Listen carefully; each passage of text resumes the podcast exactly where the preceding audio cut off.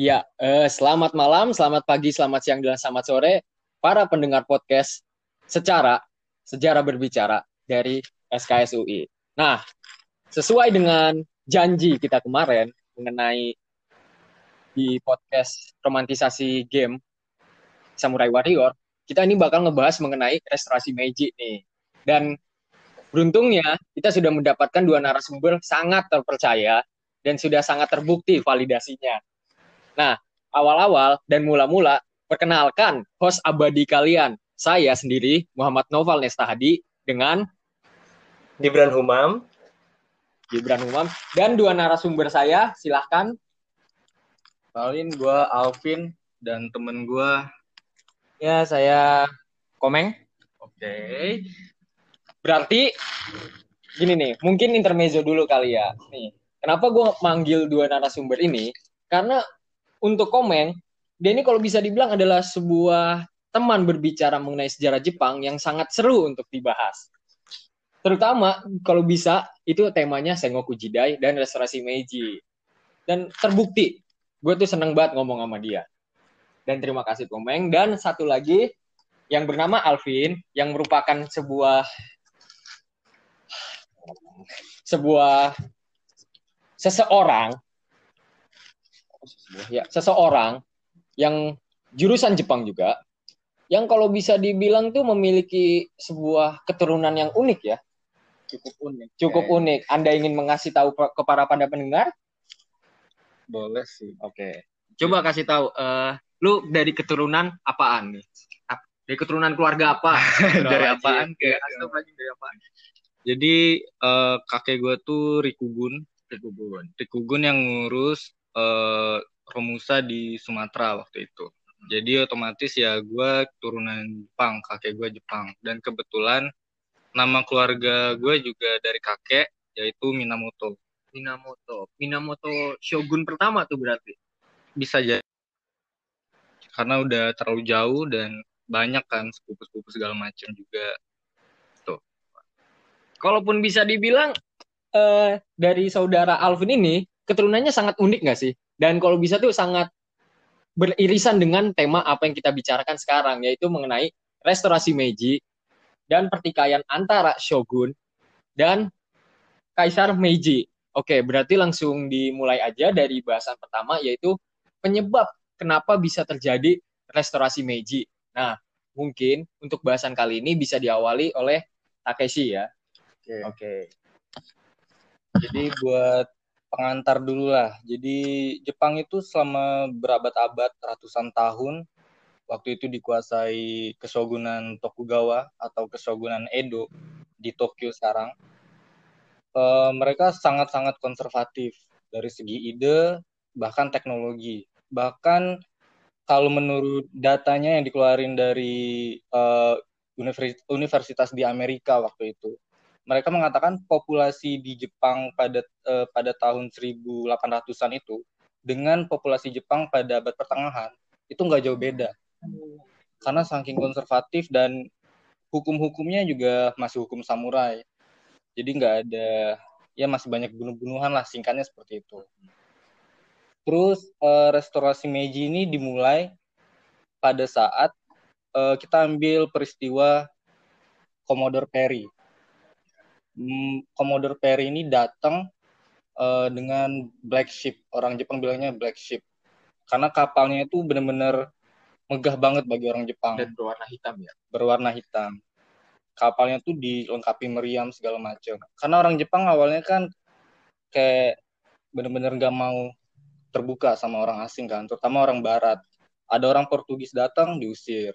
Tapi giliran Commodore Perry dengan ancaman meriam segala macam, akhirnya mau nggak mau Jepang buka diri dong. Nah, jadi peristiwa penting itu bisa dikatakan itulah asal mula restorasi Meiji ini. Oh, begitu ya. Kalaupun bisa dibilang tuh eh, sebenarnya Jepang itu juga memiliki ketakutan gak sih dengan orang-orang Barat seperti itu? Kayak yang pernah saya baca di sebuah buku gitu. Pada saat orang Barat datang ke Tokyo ataupun ke Pulau Kyushu, saya lupa lebih pastinya. Itu Hmm. tuh untuk menakuti-nakuti orang orang Barat, eh, orang-orang daimyo Jepang tuh malah ini mendirikan sebuah benteng palsu Hmm. yang benteng palsu yang merupakan terbuat dari itu kayak kain terpal dan dilukis seperti benteng yang besar gitu. Tapi ya Iya. karena pada saat itu orang Eropa dan orang Barat sudah sangat maju teknologinya dan mereka sudah menemukan teropong, apa itu teropong. Jadi ya benteng itu sudah ketahuan kalau itu bohong gitu. Bohong. Jadi Pak, nah, apakah emang benar Jepang memiliki ketakutan yang sangat terhadap orang Barat gitu? Sebenarnya kalau kita lihat dari pola pikir Jepang pada masyarakat zaman dulunya itu dibilang ketakutan sih enggak.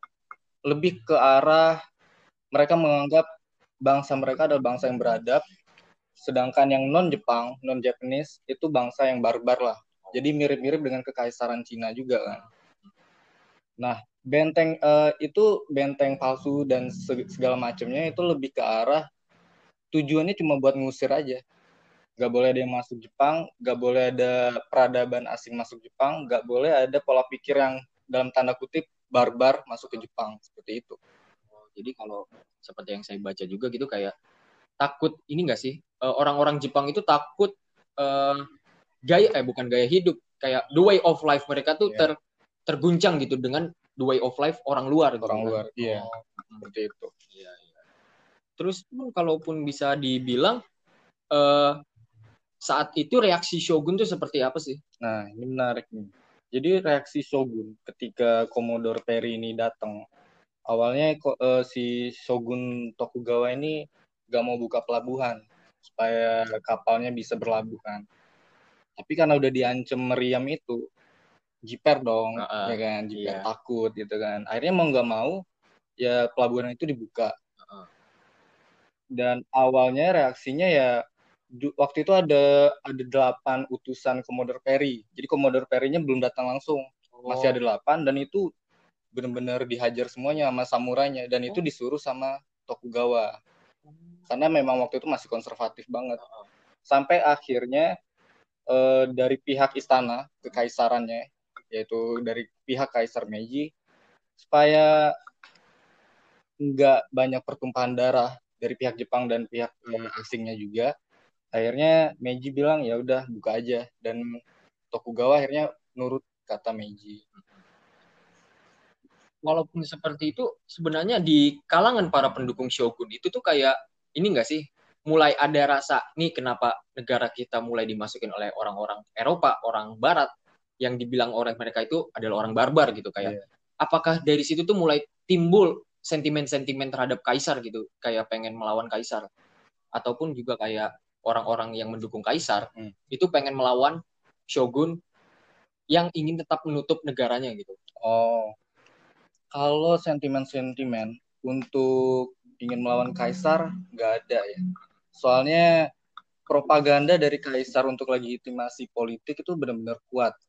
Eh, kaisar keturunan dewa segala macam itu benar-benar kuat di masyarakat Jepang, terutama yang kelas bawah. Justru yang rada-rada memberontak dan melawan pihak asing itu kalangan samurai. Karena mereka mereka merasa diri mereka yang paling elit, paling beradab, eh, dan mereka memegang senjata katananya itu kan. Jadi mereka merasa terganggu dengan senjata apinya eh, orang barat ini. Jadi justru di kalangan samurainya. Jadi jadi kok bisa dibilang tuh pemikiran samurai di zaman Edo itu masih sama ya dengan pemikiran samurai di zaman Sengoku Jidai gitu. Karena pada saat Oda Nobunaga membawa arquebusnya yang dari Portugis, Hmm. kayak orang-orang samurai itu benci dengan klan Oda gitu karena para samurai-samurai yang udah mendedikasikan dirinya untuk berlatih pedang, berlatih seni, bela diri sampai belasan tahun, itu tuh bisa di dihajar dan dibunuh sama Ashigaru yang baru mempelajari senjata itu selama tiga hari kan. Iya. Wow, berarti benar-benar konservatif tuh ya berarti. Bahkan Oda juga dijuluki karena barbar gitu kan. Dia dijuluki setan kalau nggak salah atau iblis. Ya karena itu dia membawa pengaruh bangsa barbar dalam tanda kutip. Oh, oke oke. Lalu eh kalaupun bisa dibilang ini enggak sih eh selain dari mulai munculnya sentimen, Hmm. kalau benar-benar meletup meletup sentimen itu menjadi sebuah bentrokan atau pertikaian, itu tuh dimulai pada saat kapan sih? Eh, mungkin sa saudara Komeng bisa memberitahu mulai dari mana ad- terjadi bentuk bentrokan antara pendukung kaisar dan pendukung shogun. Jadi eh, gimana ya? lebih ke arah gini sih. Kan sebenarnya Shogun itu kan membuka pelabuhan tadi kan atas perintah kaisar. Ya. Tapi di sini tuh terjadi suatu hal yang bisa dibilang cukup unik. Apa tuh uniknya? Saat Shogun memberikan perintah untuk membuka dan menerima bangsa asing, walaupun sebenarnya Shogun sendiri tidak mau, gitu kan? Kan banyak yang menentang. Samurai dari Choshu dan daerah Shimazu itu, dari Satsuma. dari Satsuma, itu mereka semua menolak untuk menerima bangsa Barat. Jadi mereka itu menentang Shogun dengan keputusannya. Padahal di satu sisi Shogun juga menolak bangsa Barat. Tapi Shogun di sini takut dengan kekuatan dari Kurofune tersebut, dari Black Sheep tadi. Jadi setelah Shogun membuka itu, banyak yang melakukan pemberontakan, terutama daerah daerah Choshu sama Satsuma. Sehingga Shogun membentuk suatu pasukan selain pasukan penjaga istana ya, sebuah pasukan elit untuk menertibkan daerah Kyoto dan sekitarnya yang bernama Shinsengumi. Oh, gue pernah denger tuh Shinsengumi tuh. Gue tuh malah denger Shinsengumi tuh pertama kali tuh dari komik uh, Samurai X sama anime yang hmm. berjudul Hakuoki. Dan hmm. sebenarnya benar nggak sih kalau Shinsegumi itu isinya tuh kalau bisa dibilang tuh adalah bandit sama berandalan-berandalan nggak bertuan gitu. Nah, jadi kalau kita tarik mundur lagi ya, kalau kita tarik mundur gitu kan. Pada masa Tokugawa itu banyak bahasanya itu samurai yang tidak memiliki tuan ya, ronin, ronin. Disebut ronin gitu kan. Nah, ronin-ronin ini direkrut oleh Shogun Tokugawa, Tokugawa Yoshinobu, kalau tidak salah ya. Yoshinobu, ya, Yoshinobu ditarik untuk menjadi sebuah peleton berisikan tiga divisi. Pada awal pembentukan hanya ada satu. Pada awal pembentukan hanya ada satu divisi, tapi karena ketua dari Shinsengumi ini yaitu Kondo Isami apa berkeliling berkeliling Jepang sebelum dia ke Kyoto itu mendapatkan beberapa ronin lagi, jadi terbentuk tiga divisi. Dari situ rakyat atau bahasa ininya samurai, kaum samurai merasa seperti shogun ini kenapa menerima bangsa barat. Ya. Sebenarnya di sini hanya terjadi suatu kesalahpahaman saja, suatu kesalahpahaman kecil di mana sebenarnya mereka semua itu tidak ingin menerima bangsa barat. Tapi shogun ini sudah melihat kekuatan dari barat tersebut sehingga dia mau tidak mau harus membuka. Begitu. Yang lucu adalah yang memerintahkan untuk membuka pelabuhan itu adalah kaisar. Tapi klan Satsuma dan klan yang dari yang dari Chosu ini justru mendukung kaisar untuk menolak bangsa barat. Ini jadi seperti benang kusut. Nah, jadi kayak paradoks, hanya berputar-putar nggak jelas. Hmm. Gitu. Peperangan itu mulai pecah setelah insiden Ikegaya. Karena di situ Shinsengumi bisa dibilang menunjukkan taring pertamanya nggak sih? Iya, menunjukkan taring pertamanya. Walaupun Shinsengumi sudah sering melakukan pertempuran, tapi pertempurannya tuh kecil skalanya. Saat di Ikegaya pertama kali mereka menuju Tokyo, eh Tokyo, Kyoto, Kyoto. saat pertama kali mereka menginjakan kaki di sana, mereka itu pergi ke sebuah eh mereka itu pertama kali mendarat ada masalah dengan segerombolan pesumo Nah, setelah masalah itu, mereka kan di sana menginap di suatu penginapan bernama Ikegaya. Malamnya itu mereka diserang sama dojo dari sumo tersebut. Dan di sana terjadi pembantaian Ikegaya. Sumo dan orang yang menolak Shinsengumi untuk datang dibantai oleh Shinsengumi di sana. Karena insiden tersebut, Shinsengumi mulai mendapatkan stigma negatif. Seperti itu. Dan di situlah mulai perang-perang antara shogun dengan pendukung kaisar. Padahal pendukungnya sendiri nggak tahu tujuan kaisar itu apa. Tapi gue mungkin ada satu pertanyaan nih sebenarnya ada alasan khusus nggak sih selain eh, sumo ini tuh menyerang ini orang-orang Shinsegumi yang sedang menginap di Ikegaya gitu. Selain dari kebencian mereka terhadap Shinsegumi. Sebenarnya alasannya kecil sih dari buku yang saya baca saat membaca autobiografi dari Kondo Isami. Itu dikatakan saat pertama kali turun di pelabuhan, semuanya itu mungkin bisa dibilang kayak kalau bahasa Indonesia itu kayak jagoan semuanya itu kan. Ada sumo yang kayak jagoan menantang Shinsen Gumi gitu dan mati di pelabuhan itu, ditebas langsung di situ. Karena dia punya dojo, otomatis apa ya bahasanya punya backingan. Iya, murid-murid. Iya. Dia kan murid, berarti kan punya guru kan? Iya. Nah, jadi satu dojo itu datang ke sana untuk membalaskan dendam. Bahasanya seperti itu. Cuman secara perbandingan kekuatan ternyata jauh berbeda. Iya. Shinsen Gumi jauh lebih kuat dibanding mereka. Terus eh, kalaupun bisa dibilang lagi nih ya, eh, sebenarnya nih eh, insiden Ikegaya ini itu tuh mulai ini enggak sih? Mulai apa tuh bener-bener ini terutama di pihak Sacho gitu. Wah, ini Shogun udah kurang ajar nih terhadap perintah kaisar gitu. Kayak dia membentuk Shinsegumi yang notabene adalah isinya berandalan dan bandit dan malah membuat kekacauan seperti itu. Kayak mulai dari situ tuh kayak apakah Sacho itu tuh mulai benar-benar ah kita harus satuin kekuatan, kita harus lawan Shogun menentang kezoliman dia dalam Ikegaya ini. Nah, pada saat itu ada apa ya ibaratnya orang-orang Sacho, pemikir-pemikir sana Hmm. yang berpikir bahwa Shinsen Gumi ini hanya melakukan sebuah pembantaian tidak ber apa namanya ya, Berdasar. tidak berdasar.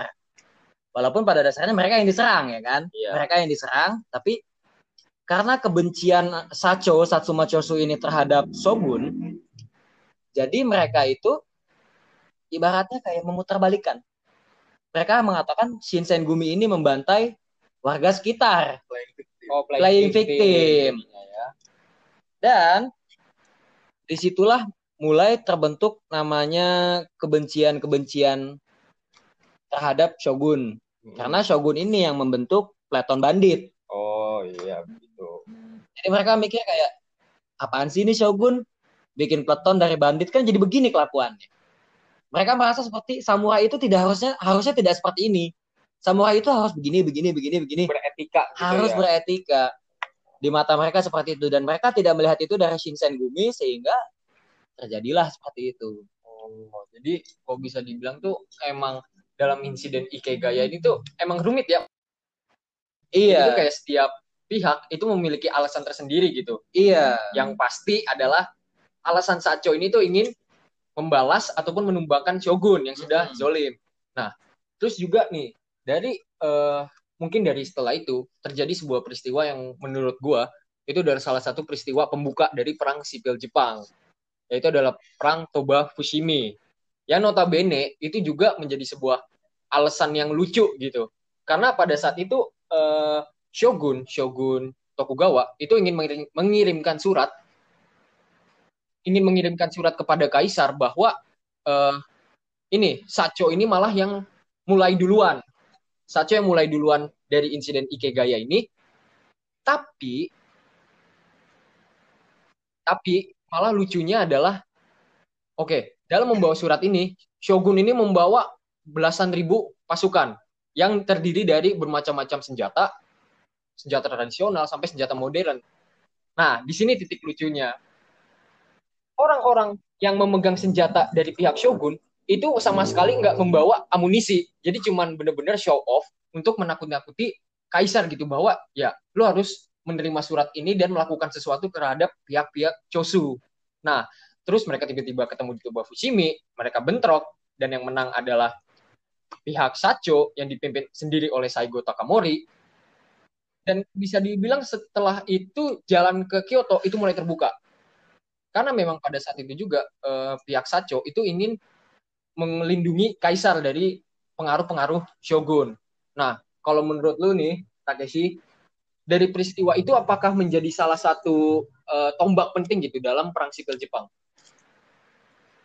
Kalau menurut gue sendiri peristiwa itu ya bisa dikatakan menjadi perang sipil Jepang di setelah Sengoku Jidai. Iya. Sengoku Jidai kan juga perang sipil lah jatuhnya. Mm-mm. Tapi itu untuk di zamannya mau masuk restorasi Meiji, ya kita bisa katakan itu juga menjadi peristiwa penting kalau dalam uh, perang sipil Jepang.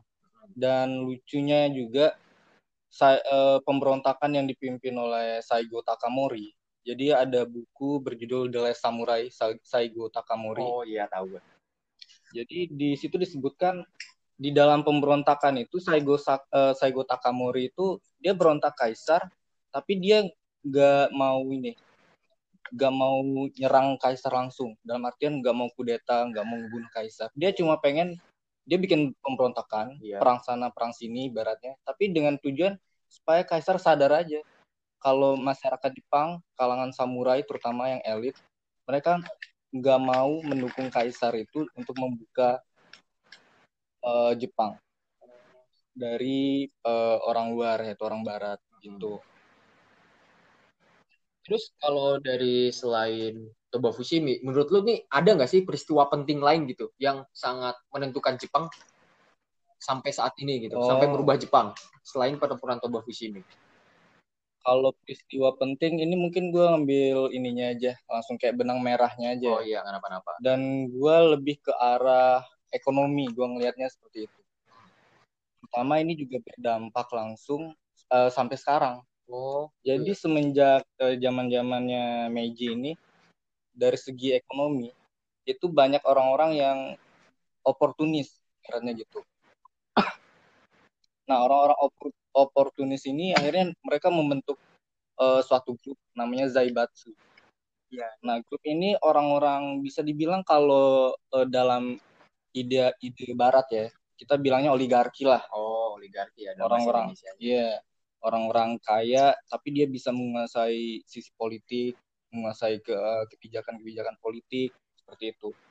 Nah, dampaknya sampai sekarang, Zaibatsu ini juga masih ada sampai sekarang sebenarnya. Oh, Kita ambil contoh kalau misalnya kita pernah dengar eh, grup Sumitomo, terus juga ada perusahaan Mitsubishi. Jadi Mitsubishi ini eh, sebenarnya dia udah kaya dari hmm, 1800-an.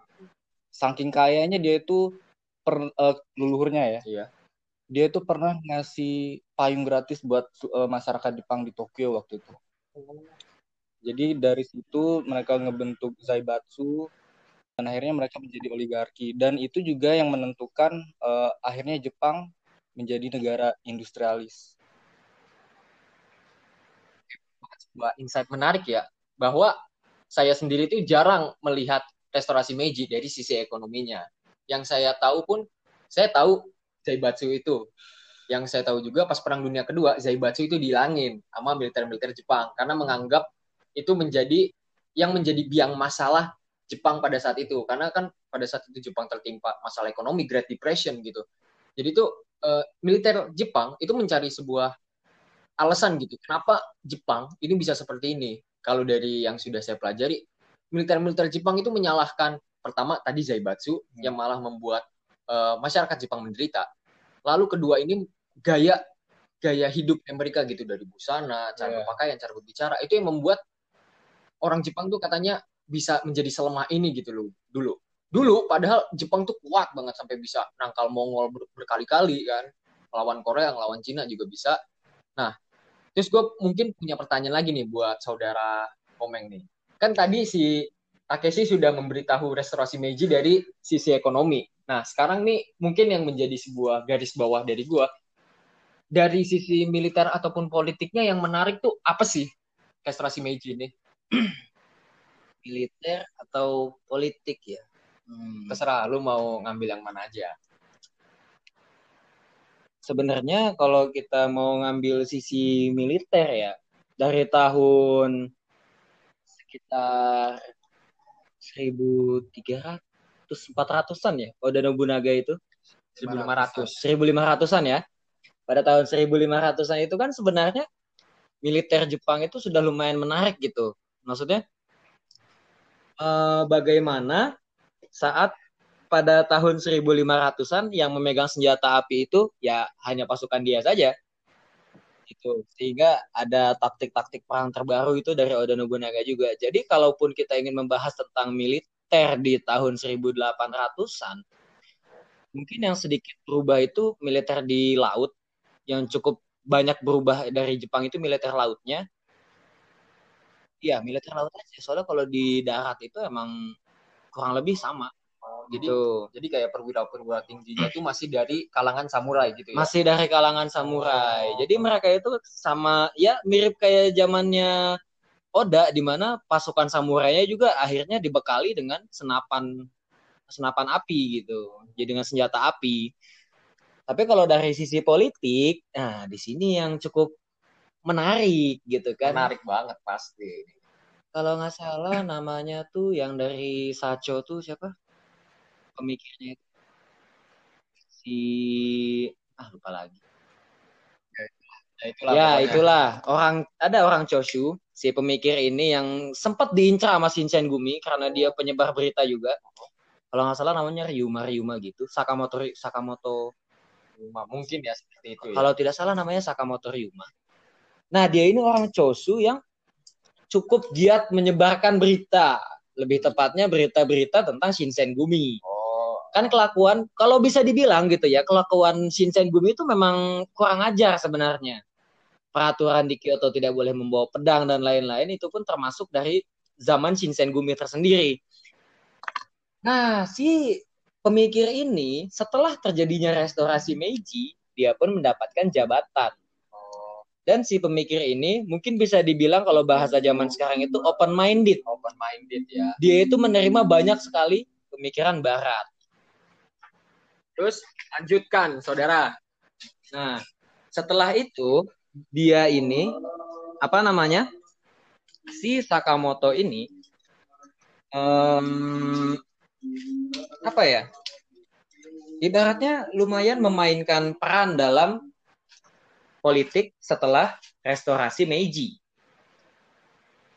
Karena pada masa tersebut em, setelah masa restorasi itu kan bisa dibilang cukup kacau ya mulai dari gaya berpakaian, mulai dari sehari-hari itu cukup banyak perubahan gitu. Nah, pencetus banyak perubahan tersebut salah satunya adalah si pemikir ini yang yang bisa dibilang ya kalau bahasa Jepangnya itu melenceng dari iya bisa dibilang dia itu melenceng dari budaya Jepang gitu gimana enggak gitu kan? Orang Jepang biasa pakai kimono yukata dan lain-lain tiba-tiba disuruh pakai jas dan kemeja gitu sama si Sakamoto ini kan. Gitu. Mungkin kalau dari sisi politik sebelum politik sebelum terjadinya restorasi itu yang unik itu adalah saat em, ada namanya penipuan Kondo Isami Wah, apa penangkapan Kondo Isami. Jadi si pemimpin Shinsen Gumi ini setelah Shinsen Gumi itu kalah di Kyoto oleh samurai Sacho, kan ada perang kecil. Setelah itu mereka apa ada beberapa perang-perang kecil dan mereka terus-menerus kalah, pasukannya terus-menerus berkurang. Lalu mereka itu dipanggil oleh shogun untuk kembali ke Tokyo. Kembali ke Edo gitu.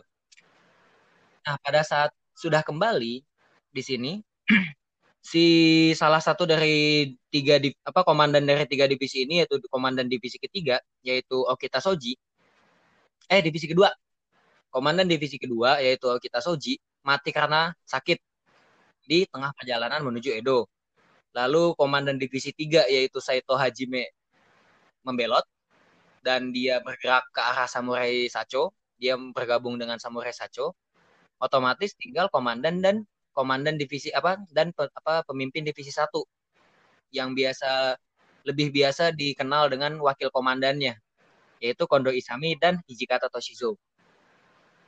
Setelah sampai di Edo, lucunya adalah Kaisar memanggil Kondo Isami ke Kyoto kembali dengan tujuan politik.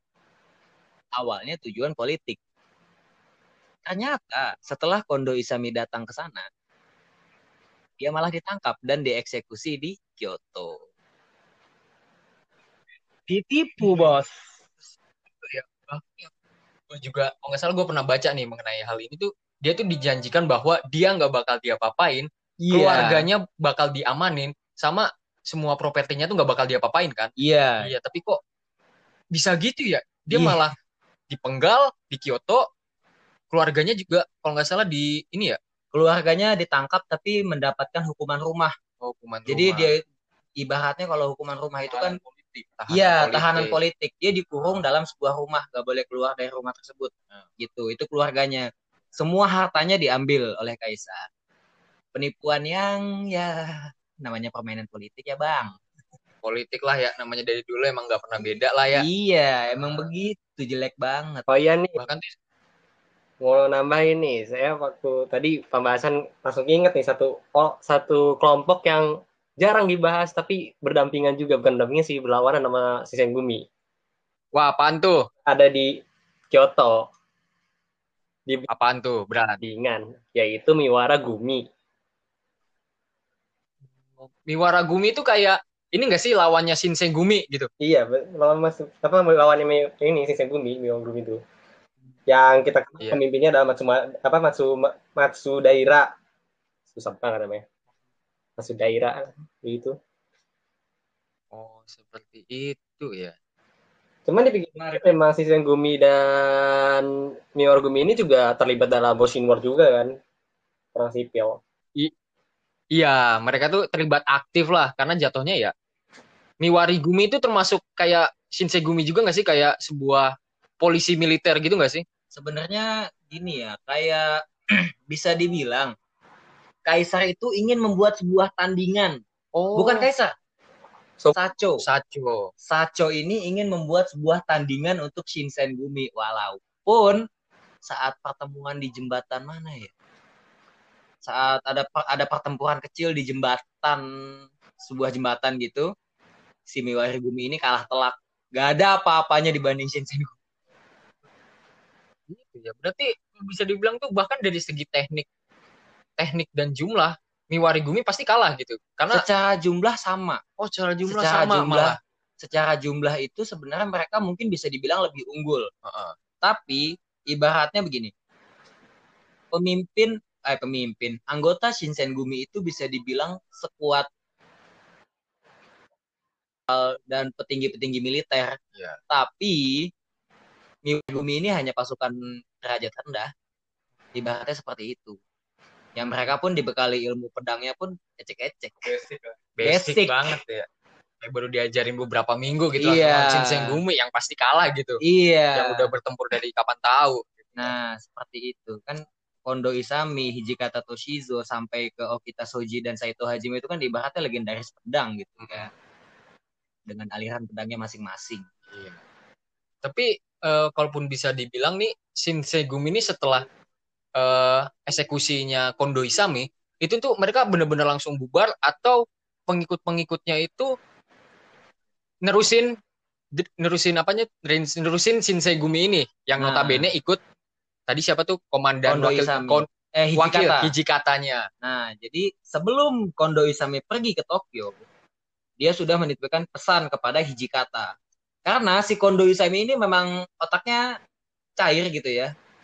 Otaknya encer, pinter. Dia sudah punya firasat. Ini kayaknya kaisar nipu nih.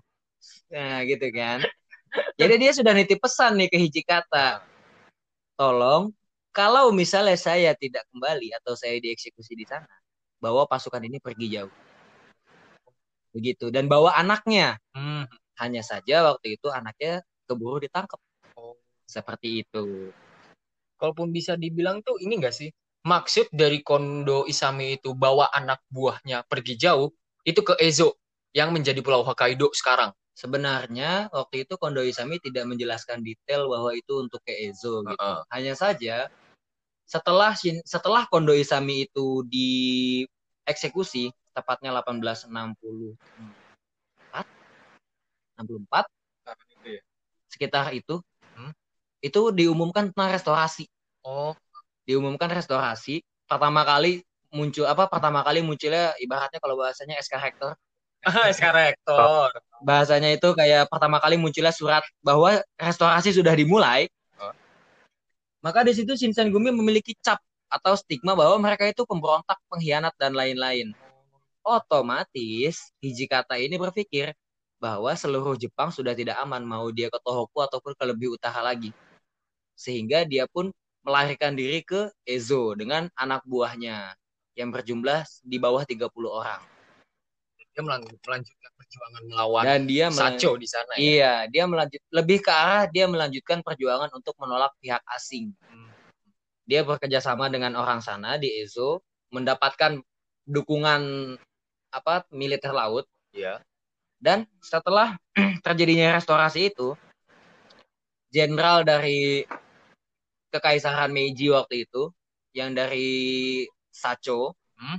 itu ingin memburu Shinsengumi sehingga Hmm. mereka pun melakukan perang ibaratnya mereka itu eh bukan jadi mereka itu datang ke Ezo untuk mengejar Shinsengumi tersebut dan terjadi peperangan di pelabuhan Miyafokube ya kalau nggak salah ya. Dan Hijikata Toshizo terbunuh di sana. Setelah itu Shinsengumi pun semakin tidak jelas karena pemimpinnya mulai hilang. Walaupun kalau bisa dibilang tuh agak ironis juga nggak sih bahwa kedua pihak ini tuh ingin mendepak lah orang orang Barat dari Jepang, tapi tuh mereka menggunakan ya teknologi-teknologi mereka gitu, bahkan meminta bantuan seperti kalau dari Sacho itu meminta bantuan Inggris dan Amerika, dan pihak Shogun itu meminta bantuan Prancis untuk saling melawan lah, melawan pihak yang dia musuhin gitu. Emang agak ironis sih. Makanya tadi sempat saya sebut bahwa ini tuh lucu karena siapa yang membuka pelabuhan, tujuan dari pembukaan pelabuhan itu apa? Siapa yang menentang shogun, siapa yang mendukung shogun, siapa yang menentang kaisar dan siapa yang mendukung kaisar.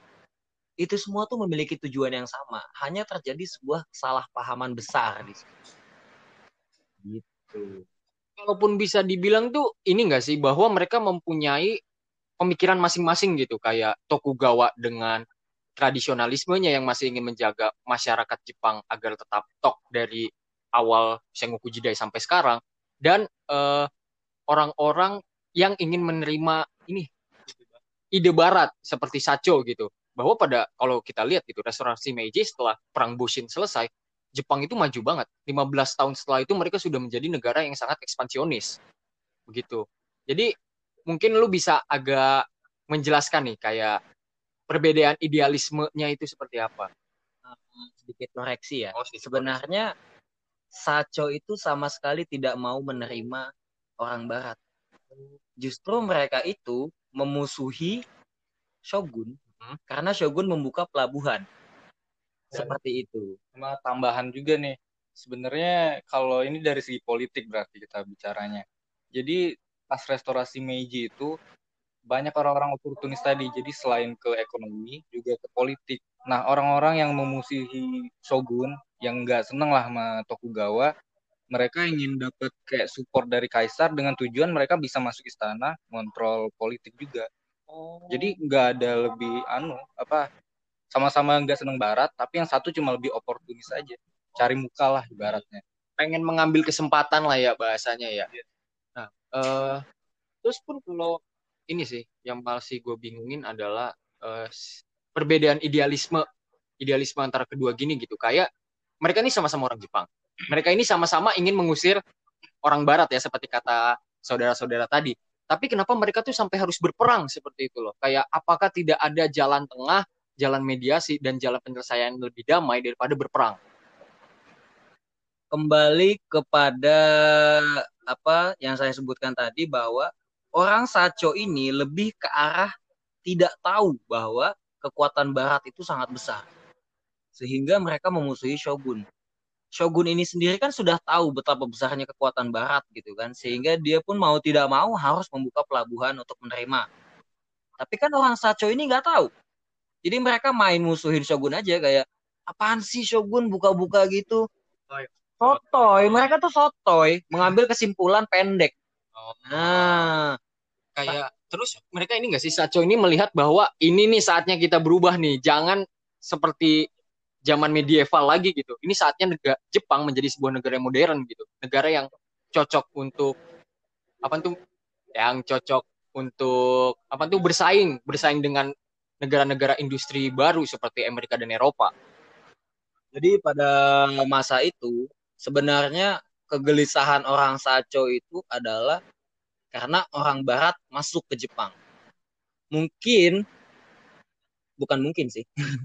jadi jadi mereka itu sebenarnya mereka ingin mempelajari teknologi tersebut, tapi mereka nggak mau orang Barat datang ke negeri mereka. Jadi mereka, nah di sini baru mungkin mereka inginnya pada seperti pada zaman Sotoku Taishi tahun 500-an, di mana orang Jepang dikirim untuk belajar ke Cina. Nah, jadi sepertinya mereka itu ingin agar orang Jepang itu dikirim ke Barat untuk belajar, dan mereka tidak ingin ada orang Barat begitu. Walaupun pada setelah ada apa setelah restorasi itu mereka sendiri dikagetkan dengan keputusan bahwa Jepang menerima Barat. Jadi orang Sacho itu sebenarnya dikejutkan dengan keputusan bahwa Kaisar itu ingin menerima Barat. Mereka itu mendukung Kaisar tanpa tahu keinginan Kaisar itu sendiri. Begitu. Tapi karena ada beberapa petinggi klan yang sudah masuk ke dalam jajaran kekaisaran, sehingga mereka mau tidak mau harus tunduk terhadap keputusan tersebut. Seperti itu. Dan ini sih, mungkin menjadi sebuah penutup atau dari saudara Takeshi ini ada yang ditambahkan lagi mengenai kenapa nih mereka harus berperang seperti itu loh. Padahal kalaupun bisa dibilang alasannya sepele, Bre. Cuman gara-gara pelabuhan dibuka Shogu eh pihak Sacho ini ah ini apaan sih kenapa harus dibuka gitu. Apakah dia mau ditambahkan?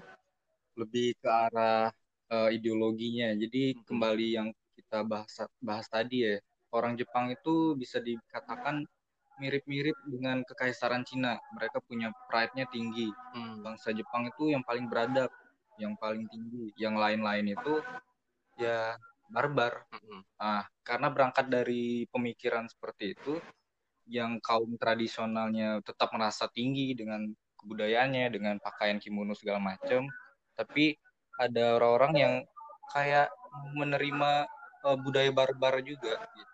Jadi uh, perang ideologinya di situ. Hmm, perang ideologinya di seperti itu ya. Tapi memang patut disayangkan sih bahwa ya kedua pihak ini tuh sampai harus berperang gitu. Karena ini menjadi sebuah kayak marwah manusia nggak sih bahwa lu kalau ingin men- men- mendapatkan sesuatu pilihan terakhirnya itu adalah perang gitu. Lu nggak bisa melakukan diplomasi lagi. Jadi mungkin eh, dari dari podcast saat ini cukup untuk sampai di sini aja. Apakah dari kedua narasumber ingin menyampaikan kesimpulan gitu? Ini kalau dari saya sih apa kesimpulannya paling ya sebenarnya gimana ya pada masa itu kan orang Jepang memang sangat apa ya menjunjung tinggi pride gitu kan kalau bahasanya itu bahasa zaman dulu nggak ada tapi bahasa zaman sekarang itu bushido ya kan? Zaman dulu itu nggak ada tapi bahasa zaman sekarangnya itu bushido. Jadi mereka itu sangat menjunjung tinggi hal tersebut. Ya mungkin pelajaran yang bisa kita ambil adalah ya jangan over pride lah ya. Kan pada masa itu seperti yang saya bilang tadi yang open minded tuh dikit.